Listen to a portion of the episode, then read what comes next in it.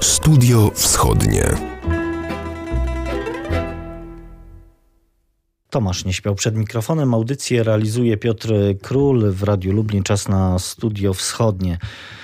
A dziś gościem Studia Wschodniego jest dr Damian Szacawa z Katedry Stosunków Międzynarodowych UMCS i Zespołu Bałtyckiego Instytutu Europy Środkowej w Lublinie. Dzień dobry. Dzień dobry panie redaktorze, dzień dobry państwu.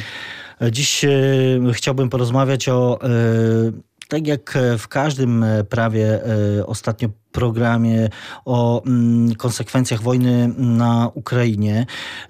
Rosyjska agresja w tym kraju spowodowała, że w Szwecji i Finlandii gwałtownie wzrosło poparcie dla członkostwa tych, tych krajów w Sojuszu Północnoatlantyckim.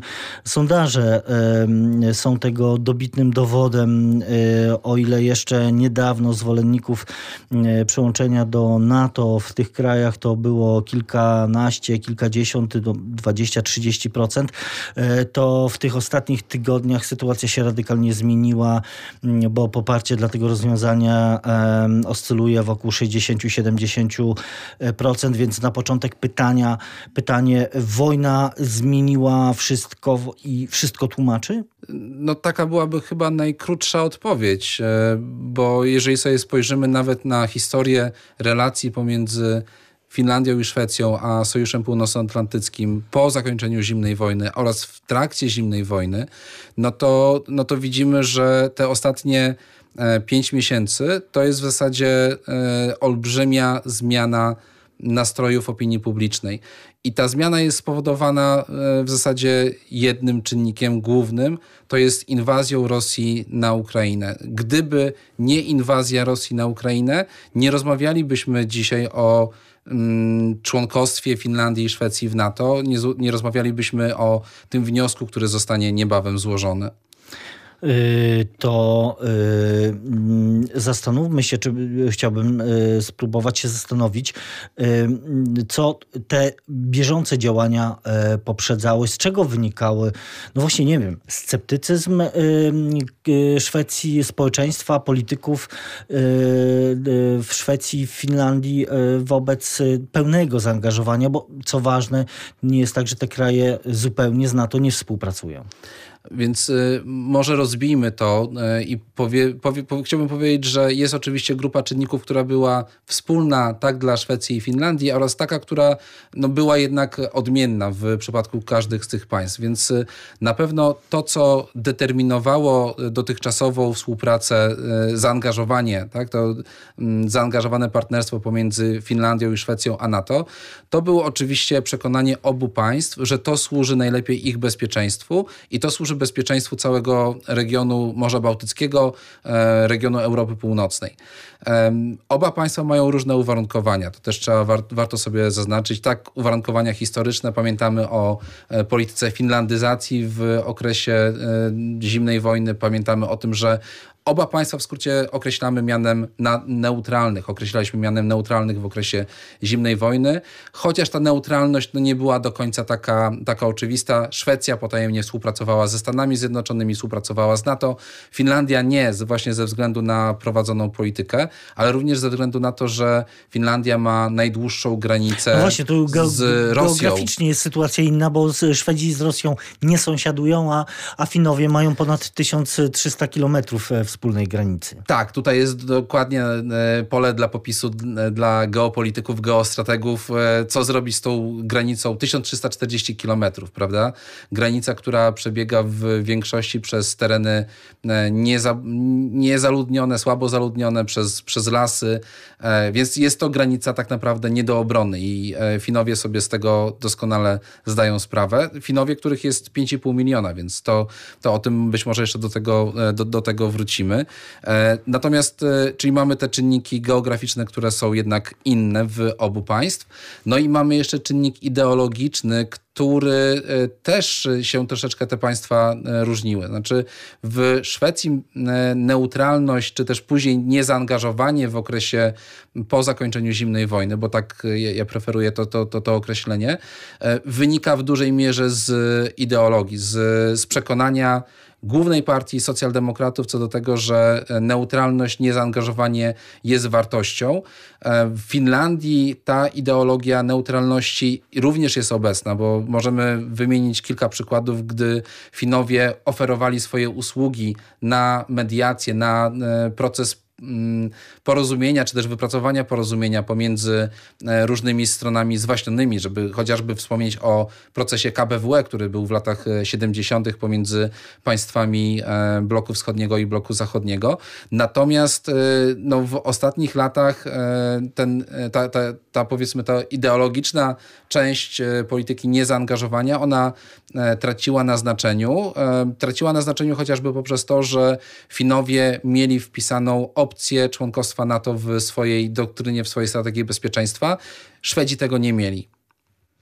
Y, y, to jest y, jakby takie strategiczne spojrzenie na to, no ale ma, miało też przełożenie na poglądy na postrzeganie y, całych społeczeństw y, w tych krajach, jeśli chodzi o y, no właśnie członkostwo w sojuszu. Mm, no tak, no to jest pytanie, co jest pierwsze, jajko czy kura? Tak.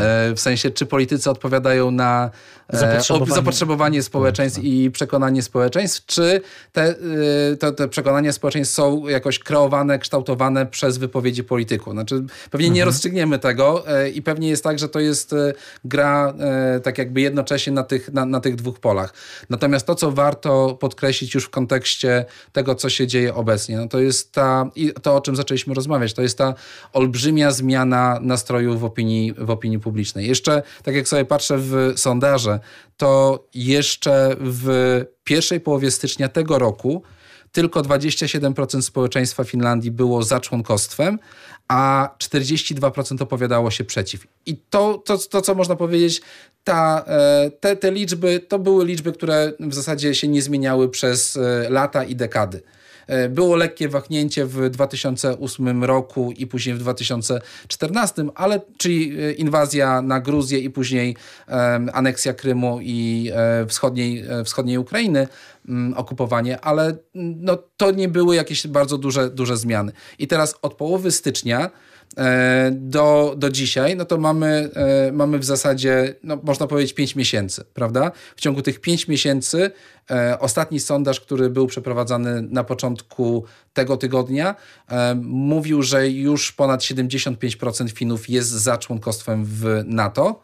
E, a jeżeli, e, a jeżeli do tego, do, jeżeli doszłaby do tego sytuacja, że e, Szwedzi również wstępują, to, tych, to liczba zwolenników jest ponad 80%. Czyli społeczeństwo się boi ewentualnego ataku? Nie powiedziałbym, że społeczeństwo się boi, czy też obawia. Oczywiście bierze pod uwagę to, co się, te, te działania wojenne i to, jak wygląda, wyglądają przedmieścia Kijowa, Bucza, Irpiń. To wszystko jest oczywiście widoczne i to też się pojawia w wypowiedziach polityków, które uzasadniają mm, złożenie wniosku, bo mówią, skoro Rosjanie zrobili to, um, Ukraińcom, których nazywają swoimi braćmi i siostrami, prawda, to dlaczego nie, mieli, nie mieliby czegoś podobnego zrobić e, nam tutaj na północy? Tym bardziej, że pamiętamy też to, co się wydarzyło w grudniu i y, te deklaracje rosyjskie, które jakby mówiły o tym, że ewentualne rozszerzenie y, państw y, Sojuszu Północnoatlantyckiego, państwa bałtyckie, no i wprost było stwierdzenie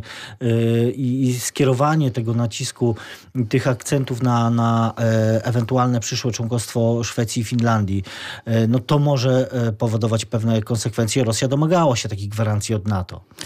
No, ma pan rację, panie redaktorze, dlatego że to w zasadzie wtedy się zaczęło. Znaczy, pamiętamy te e, żądania z połowy grudnia, żądania Rosji dotyczące rewizji w zasadzie e, fundamentów bezpieczeństwa europejskiego, architektury bezpieczeństwa europejskiego, ale także można powiedzieć fundamentów całego globu. E, I te żądania spotkały się z bardzo jasną i zdecydowaną odpowiedzią obu państw, polityków w obu państwach, którzy podkreślali suwerenne i niczym nieograniczone prawo obu państw, każdego zresztą każdego z tych państw do suwerennego kształtowania swojej polityki bezpieczeństwa, swojej polityki zagranicznej, wchodzenia w sojusze z tymi państwami, które te państwa same bez narzucania, bez wpływania, wywierania wpływu ze strony Rosji, same będą podejmowały. Czyli wszelkie ograniczenia przedłużenie perspektywy członkostwa, rozszerzenia NATO, to w zasadzie nie wchodziły, nie wchodziły ich zdaniem w grę.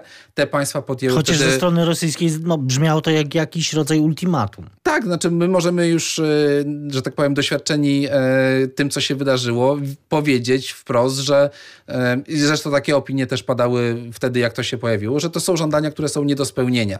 I teraz, jeżeli to były żądania, które są nie do spełnienia, to być może Rosja będzie grała na to, żeby z czasem zejść z tych żądań i coś jednak dla siebie zachować, albo e, no, będzie grała w ten sposób, że pokaże, że zobaczcie, my mieliśmy tutaj propozycję, e, zły Zachód e, tego nie zrobił, zły Zachód nas osacza, NATO nas osacza, wobec tego my musimy się, my musimy się bronić. Po tych kilku miesiącach wojny wiemy, którą, która opcja była, była, była prawidłowa, która opcja była właściwa.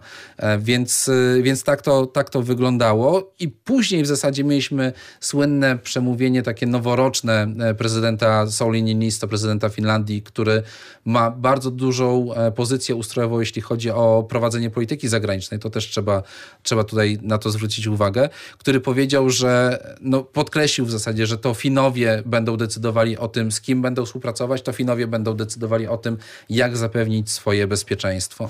Y, no właśnie, Finowie, y, naród y, stosunkowo nieliczny, jak pan zauważył, który też dysponuje też stosunkowo nieliczną armią zdaje się, 20-tysięczną. Chociaż potencjał mobilizacyjny też jest duży. Na pierwszy rzut oka wydawałoby się, że jest to niewiele, bo to jest 20 e, tysięcy, powiedzmy armia około, około 20 tysięczna w 5,5 milionowym e, społeczeństwie. Tylko, że e, no jeżeli weźmiemy sobie pod uwagę, że jest to armia, która jest bardzo dobrze wyposażona, zarówno te oddziały lekkie, jak i oddziały pancerne są bardzo dobrze wyposażone. Jeżeli weźmiemy to, o czym pan mówił, czyli rozwinięcie do 280 tysięcy w ciągu miesiąca czasu. E, plus do tego trzeba pamiętać o tym, że e, Finowie mają przeszkolonych około 800 tysięcy rezerwistów. Druga rzecz to jest e, coś, co Finowie i generalnie Nordycy określano, określają mianem obrony totalnej, koncepcji obrony totalnej. To jest przygotowanie ludności cywilnej, to jest zabezpieczenie mm, produktów takich jak żywność, leki, paliwo.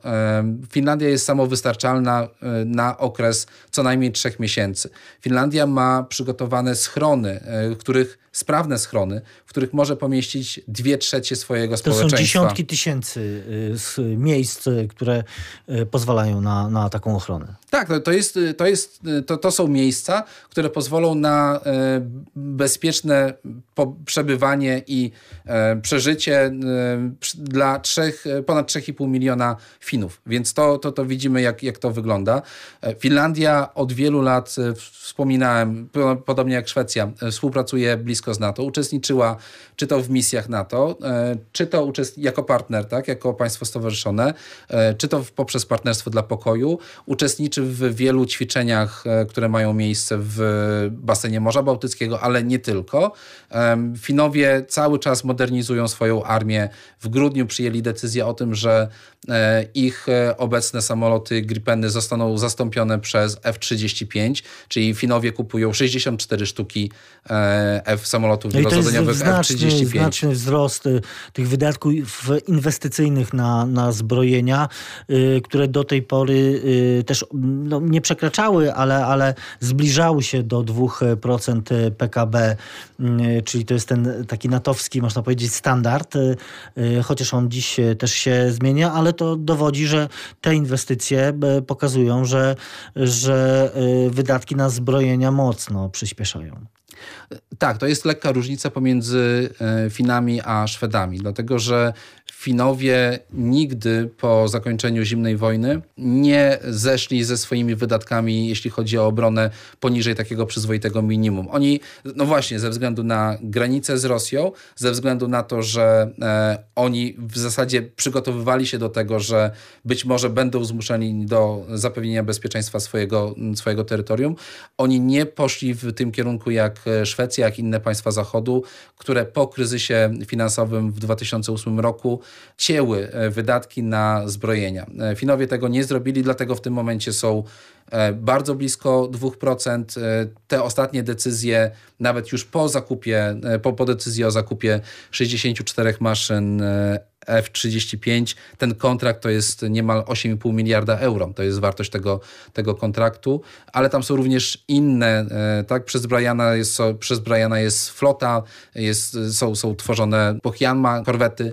W Szwecji troszeczkę to wyglądało inaczej, dlatego że Szwedzi e, oczywiście już teraz, po tym co się dzieje, m, mm, premier ogłosiła, że będą dążyć do tego, żeby wydawać 2% PKB na obronę, ale nie wiemy jeszcze e, tak naprawdę na co te wydatki będą przeznaczone. Potrzeby szwedzkiej armii są dużo większe, ponieważ, e, ponieważ tam poszli, Szwedzi poszli w drugą stronę.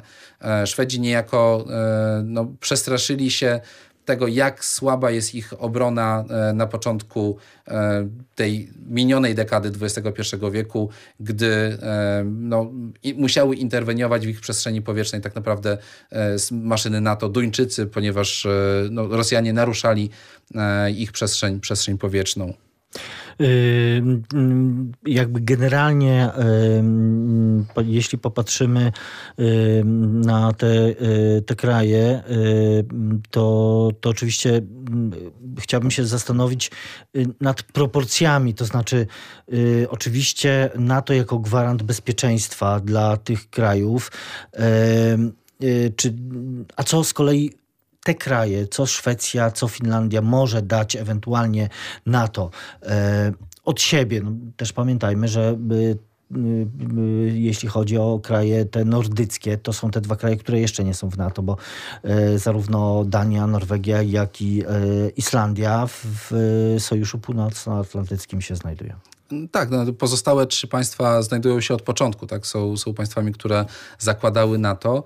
E, I e, pytanie, co, co, co one mogą wnieść? No bo to jest oczywiście tak naprawdę kryterium formalne do tego, żeby stać się członkiem NATO, e, ponieważ tym kryterium jest to, że państwo musi być zdolne do wniesienia wkładu w poprawę tego bezpieczeństwa na obszarze północnego Atlantyku.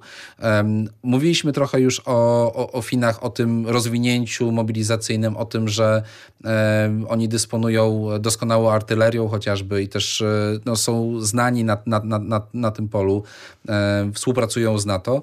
Szwedzi z kolei e, to jest w dalszym ciągu państwo, które pomimo tych różnych e, trudności wynikających z ograniczenia budżetu, to jest państwo, które no jednak dysponuje dość dużą e, potęgą na Bałtyku, jeśli chodzi o marynarkę. To jest państwo, które posiada, jeśli dobrze pamiętam, pięć okrętów podwodnych, e, które będą modernizowane i będą przeznaczone do, e, do dalszej służby. To jest państwo, które, które jest w stanie samemu tak naprawdę e, budować e, swoje okręty, okręty podwodne. To jest państwo, które e, posiada korwety, Wizby chociażby tej, tej, tej, tej klasy, więc jak na region Morza Bałtyckiego to jest, to jest dużo. Teraz dalej, kolejna kwestia. To są e, oba państwa, czyli Finlandia i Szwecja, to są państwa, w których e, przemysł zbrojeniowy jest e, dość silnie rozwinięty. To są, to są znane, uznane marki typu Saab w, w Szwecji czy Patria w Finlandii. To są, e, to są podmioty, które współpracują czy to z firmami brytyjskimi, czy to z firmami amerykańskimi. E, co więcej, no teraz możemy sobie popatrzeć na, na mapę, albo w zasadzie Państwo możecie sobie otworzyć mapę Europy Północnej i popatrzeć, e, jak te państwa są ułożone i co daje tak naprawdę członkostwo tych państw w NATO. Zwróćmy uwagę na wyspy. Dużo była, na początku tego roku była dużo rozmów, dużo debat na temat tego, że Szwedzi wzmacniają swoją, e, swoją obecność na Gotlandii, czy też w zasadzie przywracają, bo ta wyspa położona centralnie na Bałtyku e, no nie miała przez pewien okres wojska szwedzkiego na, na, swoim, na swoim terytorium, więc w tym momencie już ma i to jest w dalszym ciągu wzmacniane, a ta wyspa jest kluczowa, jeśli chodzi o zapewnienie kontroli nad tym, kto może przepłynąć przez cieśniny duńskie, a kto nie, więc to jest tak naprawdę kwestia wejścia, wyjścia e, z Bałtyku. Mamy e, pomiędzy Finlandią a Szwecją mamy Wyspy Alandzkie. Temat na pewno będzie jeszcze wracał, ponieważ e, już pojawiły się dyskusje mm, wewnątrz e, Finlandii, czy wobec tego, co się stało na Ukrainie, czy wobec inwazji Rosji na Ukrainę, czy nie powinniśmy rozmawiać o zmianie statusu Wysp Alandzkich, które są terytorium zneutralizowanym, E, ale również są terytorium, które jest strategicznie położone, więc ten temat na pewno będzie jeszcze wracał. Na razie e, stanowisko rządu fińskiego i głównych partii jest takie, że e, nie zmieniamy ustroju Wysp Alandzkich, ale no, zastrzegamy sobie prawo do decydowania, ponieważ pomimo tego, że to jest terytorium zneutralizowane, to Finlandia tak naprawdę odpowiada za bezpieczeństwo tego obszaru. O przyszłości, o strategicznych y, decyzjach związanych z przyszłością y, Szwecji i Finlandii w ramach ewentualnie struktur natowskich dziś y, rozmawiamy. Naszym gościem jest dr Damian Szacawa z Katedry Stosunków Międzynarodowych UMCS i Zespołu Bałtyckiego Instytutu Europy Środkowej w Lublinie. Do naszej rozmowy wracamy za kilka chwil. Studio Wschodnie. Studiu Wschodnim wracamy do rozmowy. Dziś naszym gościem jest dr Damian Szacawa z Katedry Stosunków Międzynarodowych UMCS i Zespołu Bałtyckiego Instytutu Europy Środkowej w Lublinie. Rozmawiamy o mm, procesie integracji Szwecji i Finlandii z y, NATO.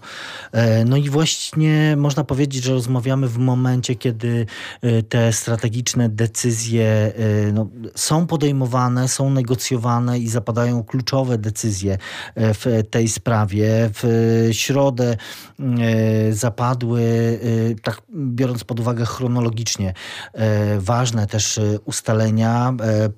Podpisane zostały deklaracje Solidarności przez premiera Borisa Johnsona, premiera Wielkiej Brytanii, z prezydent i premier Finlandii, z premierem Szwecji, które są de facto gwarancją wsparcia w razie ataku, wsparcia Wielkiej Brytanii w razie ataku dla e, tych e, krajów. No, media e, w tych krajach mówią o, o historycznym też porozumieniu, historycznej decyzji. Tak, to jest bez wątpienia bardzo ważna data, czy też bardzo ważne daty dla wszystkich, którzy śledzą to, co się dzieje na północy i, i śledzą politykę bezpieczeństwa tych obu państw pewnego rodzaju cezura czasowa nam się, nam się wytworzyła. Niektórzy piszą o tym, że jest to koniec finlandyzacji, no i ja raczej bym był skłonny do, do powiedzieć, że koniec finlandyzacji był z końcem zimnej wojny. Natomiast e, de, de, definitywnie jest to koniec polityki niezaangażowania, która definiowała e, politykę obu państw od momentu ich wstąpienia do Unii Europejskiej w 1995 roku do chwili obecnej, czyli możemy powiedzieć do połowy maja 2022 roku. Dlaczego? No dlatego, że wcześniej fundamentem generalnie generalnie polityki bezpieczeństwa tych, e, tych obu państw, Szwecji i Finlandii, była ich, e, przede wszystkim była, tych fundamentów było kilka, można powiedzieć. Te fundamenty były oparte o kilka, e, o, o, o kilka gwarancji. Znaczy, przede wszystkim to była bardzo ścisk, ścisła współpraca pomiędzy tymi oboma państwami, pomiędzy Finlandią i Szwecją. Oba, oba państwa dla siebie stanowiły to główne, główny punkt odniesienia uzupełniały się, prowadziły wspólne ćwiczenia, e, wymieniały się doświadczeniami, przekazywały informacje e, również na takim poziomie e, operacyjnym. Tak? Udostępniały swoje terytorium do przeprowadzenia działań, swoje lotniska do lądowania dla samolotów drugiego państwa itd. Tak itd. Tak po drugie, bardzo blisko współpracowały z pozostałymi państwami nordyckimi. Oczywiście bardzo ważnymi państwami dla mm, obu państw były państwa spoza regionu. Stany Zjednoczone, Wielka Brytania, która jest obecna w tym regionie poprzez y, swoją koncepcję JEF, e czyli y, Joint Expeditionary Forces, gdzie uczestniczą wszystkie państwa nordyckie i wszystkie państwa bałtyckie plus Niderlandy. Jest obecna również Francja, więc tych formatów było bardzo dużo. Teraz dochodzi format najważniejszy, e, czyli pełne członkostwo w NATO, do którego oba państwa e, aspirują e, od, powiedzmy, pod względem wojskowym od dawna bardzo mocno współpracują. Natomiast kwestia, to co, to, co blokowało, to była niechęć do podjęcia decyzji politycznej. O powodach rozmawialiśmy, rozmawialiśmy w, po, poprzedniej części.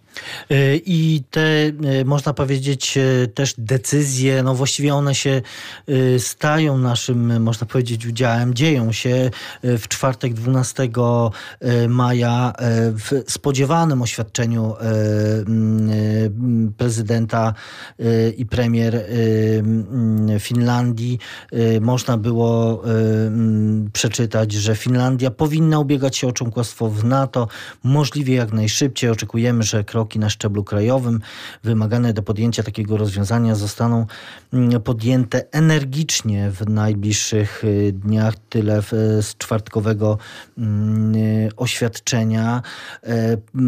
Pan też w swoim komentarzu e, dla Instytutu Europy e, Środkowej pisze o, o, o tej perspektywie, no właściwie na tygodnie, bo, bo sugeruje, że ewentualna już decyzja po, po przejściu tych formalnych krajowych części mogłaby zapaść na szczycie w Madrycie, który odbędzie się pod koniec czerwca.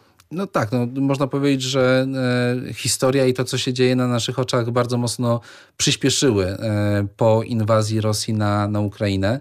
I to faktycznie tak jest. Ja chciałbym zwrócić uwagę e, na jeszcze jedną rzecz. Tak jak mm, przytoczył Pan to oświadczenie e, z czwartku, ale e, chciałbym, żeby pan i żeby państwo słuchacze zwrócili uwagę na to, że do tej pory zarówno prezydent e, Sauli Niinisto, jak i premier Sanna Marin nie zabierali głosu e, w sprawie tego, czy ich zdań, jakie jest ich zdanie na ten temat. Oni nie chcieli zdominować debaty publicznej, nie chcieli zdominować opinii, nie chcieli zdominować również partii i członków różnych komisji, które funkcjonują w parlamencie fińskim w Eduskuncie. Zabrali głos tak naprawdę na ostatniej, na ostatniej prostej, chociaż e, przynajmniej w przypadku mm, prezydenta Solininisto wcześniej, wcześniejsze jego wypowiedzi już pokazywały e, to, za którą opcją on się opowiada. Natomiast ja chciałbym podkreślić, że do tej pory, do 12 maja, nie mieliśmy decyzji, nie mieliśmy żadnego sygnału, który pokazywałby, jakie będzie stanowisko prezydenta czy też, czy też, czy też premierki. Mieliśmy sondaże, e, o których rozmawialiśmy, znamy stanowiska poszczególnych partii w e, parlamencie e, fińskim i do tej pory w zasadzie na tych kilka partii, które jest tam obecne, tylko partia, jedna partia koalicyjna, Sojusz Lewicy powiedziała, że jest podtrzymała swoje stanowisko. To nie jest nic nowego. Oni są przeciwko e, członkostwu w, w NATO, natomiast nie będzie dyscypliny e, w trakcie głosowania ewentualnego. To tam szeroka centrolewicowa koalicja tak, tam jest. jest tam jest, tam jest pięć partii. Tam jest dokładnie, tam jest, tam jest pięć partii więc tak to, tak to wygląda. Natomiast oni nie wyjdą z koalicji, więc to, to tak. nie, zagrozi, nie zagrozi ich e, stabilizacji. I teraz, e, i, i, i teraz no, co, co, co dalej? Znaczy, mamy, przed nami jest jeszcze e, tak naprawdę te kwestie formalne, bo będzie głosowanie w parlamencie w Eduskuncie. Wszystko na to wskazuje, że ono będzie już w ten poniedziałek. E, no i później będziemy mieli do czynienia z, z, ze złożeniem formalnego wniosku, co wcześniej było zapowiadane, że stanie się na, na, na szczycie w Madrycie w, e, pod koniec czerwca tego, tego roku. Co więcej, jest to skoordynowane ze Szwedami. Szwedzi, którzy jeszcze kilka tygodni temu byli bardzo mocno e, tak jakby w lesie, można powiedzieć. No, byli daleko za tym okrętem fińskim, który e, no, już płynął całą naprzód, e, bo tam były już po raporcie wewnętrznym rządowym na temat zmiany środowiska bezpieczeństwa. Mieliśmy już do czynienia z debatami w Eduskuncie. Debaty przeniosły się na poziom niższy, czyli do poziomu, na poziom komitetów, które będą rekomendowały swoje, e, swoje decyzje, więc to, to, to, to mieliśmy. W Szwecji e, te sprawy były odwlekane. Początkowo socjaldemokracja, czyli największa partia szwedzka, miała zająć swoje stanowisko pod koniec maja. Teraz już wiemy, że tutaj jest y, decyzja w zasadzie już podjęta. Oni w tym momencie przekonują zarząd partii do, do poparcia wniosku mm, Szwedzki o, minister obrony mówi, wejście Szwecji i Finlandii do NATO wzmocniłoby zdolności obronne państw y, nordyckich. Y, a to o tyle ważne, że on był przeciwnikiem przez, przez długi czas właściwie e, wejścia do struktur natowskich. No tak, no to ta zmiana jest naprawdę, jest, jest naprawdę bardzo widoczna. Nawet powiedziałbym, jest dużo bardziej widoczna w odniesieniu do samej e, premier Magdaleny Andersson, która, przypomnijmy, objęła stanowisko dość niespodziewanie w listopadzie 2021 roku, po tym jak e, odszedł Stefan Lowin czy poprzedni, poprzedni premier, który e, był premierem przez e, no, drugą kadencję tak naprawdę. E, socjaldemokraci potrzebowali, aby odbudować swoje poparcie w społeczeństwie. Pamiętajmy, że we wrześniu w Szwecji są wybory parlamentarne. No i teraz premier Magdalena Andersson, która wcześniej była ministrem finansów w rządzie Lowina, no, nie nie chciała zajmować się kwestiami bezpieczeństwa. Znaczy ona e, w no teraz swoich chyba wystąpieniach... Nie, nie, nie, będzie wyjścia i, i mimo wszystko te kwestie będą musiały no, wpłynąć, być może nawet zdominować e, tą kampanię, e, która no, pewnie gdzieś z końcem wakacji, z końcem lata przybierze taki bardzo dynamiczny kształt. No, no tutaj jest to bardzo ciekawe, dlatego że no dlatego, że no właśnie, premier Magdalena Andersson w swoich wystąpieniach, gdy obejmowała stanowisko, ona dwukrotnie obejmowała, tam było, tam było trochę, tak. trochę przepychanek, łącznie z wyjściem z rządu mniejszościowego e, Partii Zielonych, e, więc w tym momencie mamy rząd mniejszościowy e, jednopartyjny, który jest wspierany czasami przez Zielonych, czasami jest przez Partię Centrum, przez Partię Liberalną, więc o tym, o, o tym możemy, o tym musimy pamiętać. No i premier Anderson nie mówiła nic na temat e, polityki zagranicznej. Ona mówiła o tym, że jej celem jest poprawa bezpieczeństwa wewnętrznego w Szwecji. Te kwestie dotyczące integracji e, ludności muzułmańskiej, kwestie dotyczące e, licznych ataków, walk, które się toczą na przedmieściach niektórych, niektórych miast, które czasami są pokazywane w, w polskich mediach, czasami są przejaskrawiane. Natomiast nic na temat NATO. E, co więcej, w momencie, gdy rozpoczęła się inwazja Rosji na Ukrainę, no to premier nie chciała używać, że to jest inwazja, nie chciała używać tego słowa, że to jest inwazja. Używała słów, które no, mówi, były powiedzmy e, bardziej dwuznaczne. Dopiero później to tak jakby przeszło jej przez gardło to słowo inwazja, agresja. I od tego momentu w zasadzie, jak, jak to już przeszło, no to dalej popłynęło, bo premier e, stanęła przed takim, e, przed takim wyzwaniem, przed takim no, dylematem. E, co zrobić? Czy spróbować przekonać własny zarząd, partię, która przez wiele lat, wiele dekad opowiadała się za polityką neutralności, niezaangażowania, czy spróbować przekonać ich do członkostwa w NATO, do poparcia tego wniosku, czy też pozwolić na to, aby ta kwestia stała się przedmiotem no właśnie e, debaty w trakcie kampanii wyborczej wybrała tą pierwszą opcję. Wybrała e, tą opcję przekonania zarządu partii, przekonania e, młodzieżówki, która jest przeciwna członkostwu w NATO, przekonania, e, tam jest też taka grupa kobiety socjaldemokracji, które również opowiedziały się przeciwko, przeciwko NATO. Natomiast no, z jej punktu widzenia, i to jest też bardzo ciekawy przykład na to, jak polityka międzynarodowa wpływa na to, co się dzieje wewnątrz i jak to, co wewnątrz, ta, ta dynamika polityki krajowej, no, wpływa na decyzje, które mają znaczenie międzynarodowe ten, ten proces decyzyjny i e, rzeczywiście przebiega szybko e, i wszystko na to wskazuje, że jeśli te decyzje zostaną e, potwierdzone, czy ta wola już wyrażona zostanie potwierdzona formalnościami, to proces włączenia Finlandii, Szwecji do struktur NATO przebiegnie bezproblemowo i szybko. No, choćby z deklaracji Białego Domu wynika, że drzwi dla tych krajów są oczywiście otwarte i właściwie bez y, specjalnej zwłoki taka decyzja mogłaby zapaść, czyli jest to kwestia tygodni i miesięcy? no bardziej jest to kwestia miesięcy, biorąc pod uwagę, że wniosek Finlandii i Szwecji będzie musiał być zaakceptowany, Przez ratyfikowany 30. przez 30, 30 parlamentów obecnych państw członkowskich, więc e, wstępne analizy, wstępne szacunki wskazują, że to, ten proces potrwa od 4 do 12 miesięcy. E, Więc raczej miesiące niż tygodnie. Mm, I teraz e, dlaczego, e, dlaczego, to jest takie, dlaczego to jest takie ważne? No dlatego, że w tym okresie przejściowym to jest ten okres, który jest najbardziej newralgiczny z punktu widzenia ochrony e, bezpieczeństwa Finlandii i Szwecji. I dlatego te gwarancje bezpieczeństwa, to porozumienie, wizyta w środę, która miała miejsce e, Borysa Johnsona w Finlandii i Szwecji, podpisanie tych e, wzajemnych umów gwarantujących bezpieczeństwo, które zresztą wcześniej były sygnalizowane. To, to nie jest też nic, coś takiego, co jest nie, niespodziewane. E, To było sygnalizowane wcześniej. E, Oba państwa prowadzą bardzo aktywną politykę międzynarodową.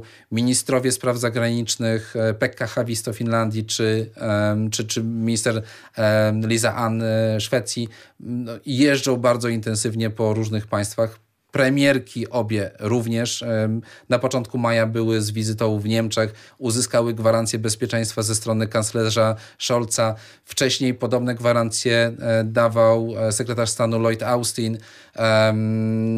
Jeszcze wielokrotnie mieliśmy do czynienia z wypowiedziami sekretarza generalnego NATO o tym, że te państwa nie będą zostawione same sobie, jeśli zdecydują się na e, Czyli złożenie do tego momentu, wniosku. kiedy ten słynny artykuł 5 NATO mógłby zacząć e, działać i obejmować się te kraje. Tak, dokładnie, dokładnie mówimy o tym momencie, do kiedy, e, od kiedy artykuł 5 będzie obowiązywał, tak? bo, bo, bo to jest coś, co jest e, podpisane traktatami, które, jest sygnow- które są sygnowane, ratyfikowane przez poszczególne państwa i na tym generalnie, generalnie polega e, wiarygodność NATO. Tak? Ostraszanie NATO polega na tym, że w przypadku ataku na terytorium jednego z państw członkowskich pozostałe państwa przyjdą mu z pomocą i zareagują. No, to jest kwestia wiarygodności, kwestia ostraszania.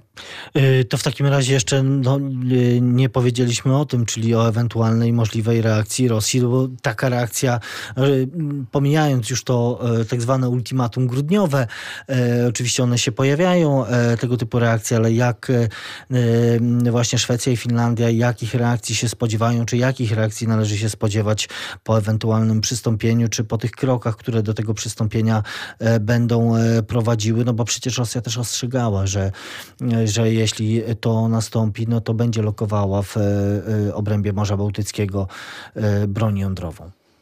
No tak, e, zakładając, że ta broń jest, to jest taka groźba, e, która, no, która po prostu jest e, lekko, lek, lekko na wyrost. Ale oczywiście Rosja mm, zareaguje, Rosja reaguje już teraz na to, co, co robią oba państwa.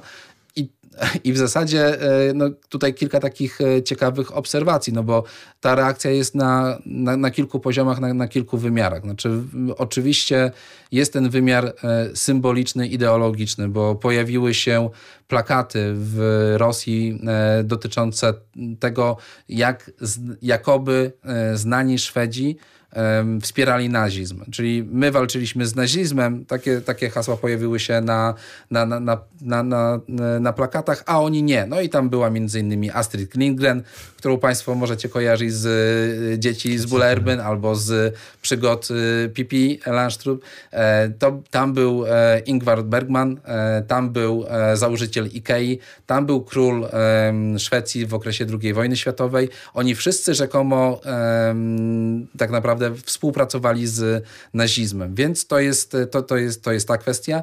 Pojawiły się już zarzuty dotyczące tego, że Mannerheim, fiński dowódca, e, w okresie zimowej wojny współpracował z Hitlerem, pomijając już fakt, że on wcześniej był oficerem carskiej armii. Em, To w zasadzie trzeba, e, nie wiem, dni albo może godzin, albo może już jest, e, już się pojawiają za, zarzuty, że również muminki e, współpracują z nazizmem albo, e, albo w zasadzie wykazują sympatię z ideologią faszystowską. Więc to jest, to jest ten jeden wymiar.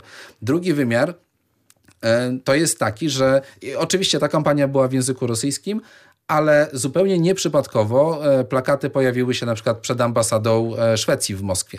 E, więc zadbano o to, żeby Szwedzi się również o tym dowiedzieli. Dlaczego? Dlaczego ta kampania? No, dlatego, że Rosja cały czas buduje wizerunek tego, że to ona walczy z faszyzmem i to ona jest tak naprawdę okrążona przez inne złe państwa, które mają wrogie zamiary.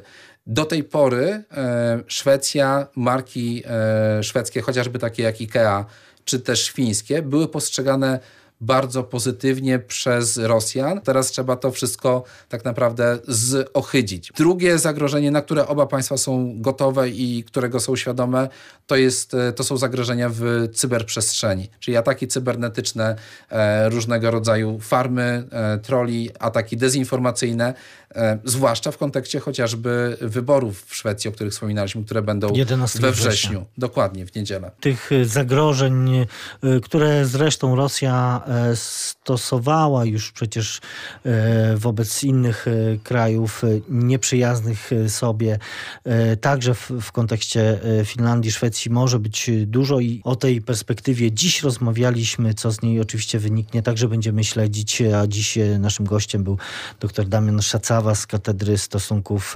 Międzynarodowych Uniwersytetu Marii Curie Skłodowskiej w Lublinie i Zespołu Bałtyckiego Instytutu Europy Środkowej w Lublinie. Bardzo dziękuję za rozmowę.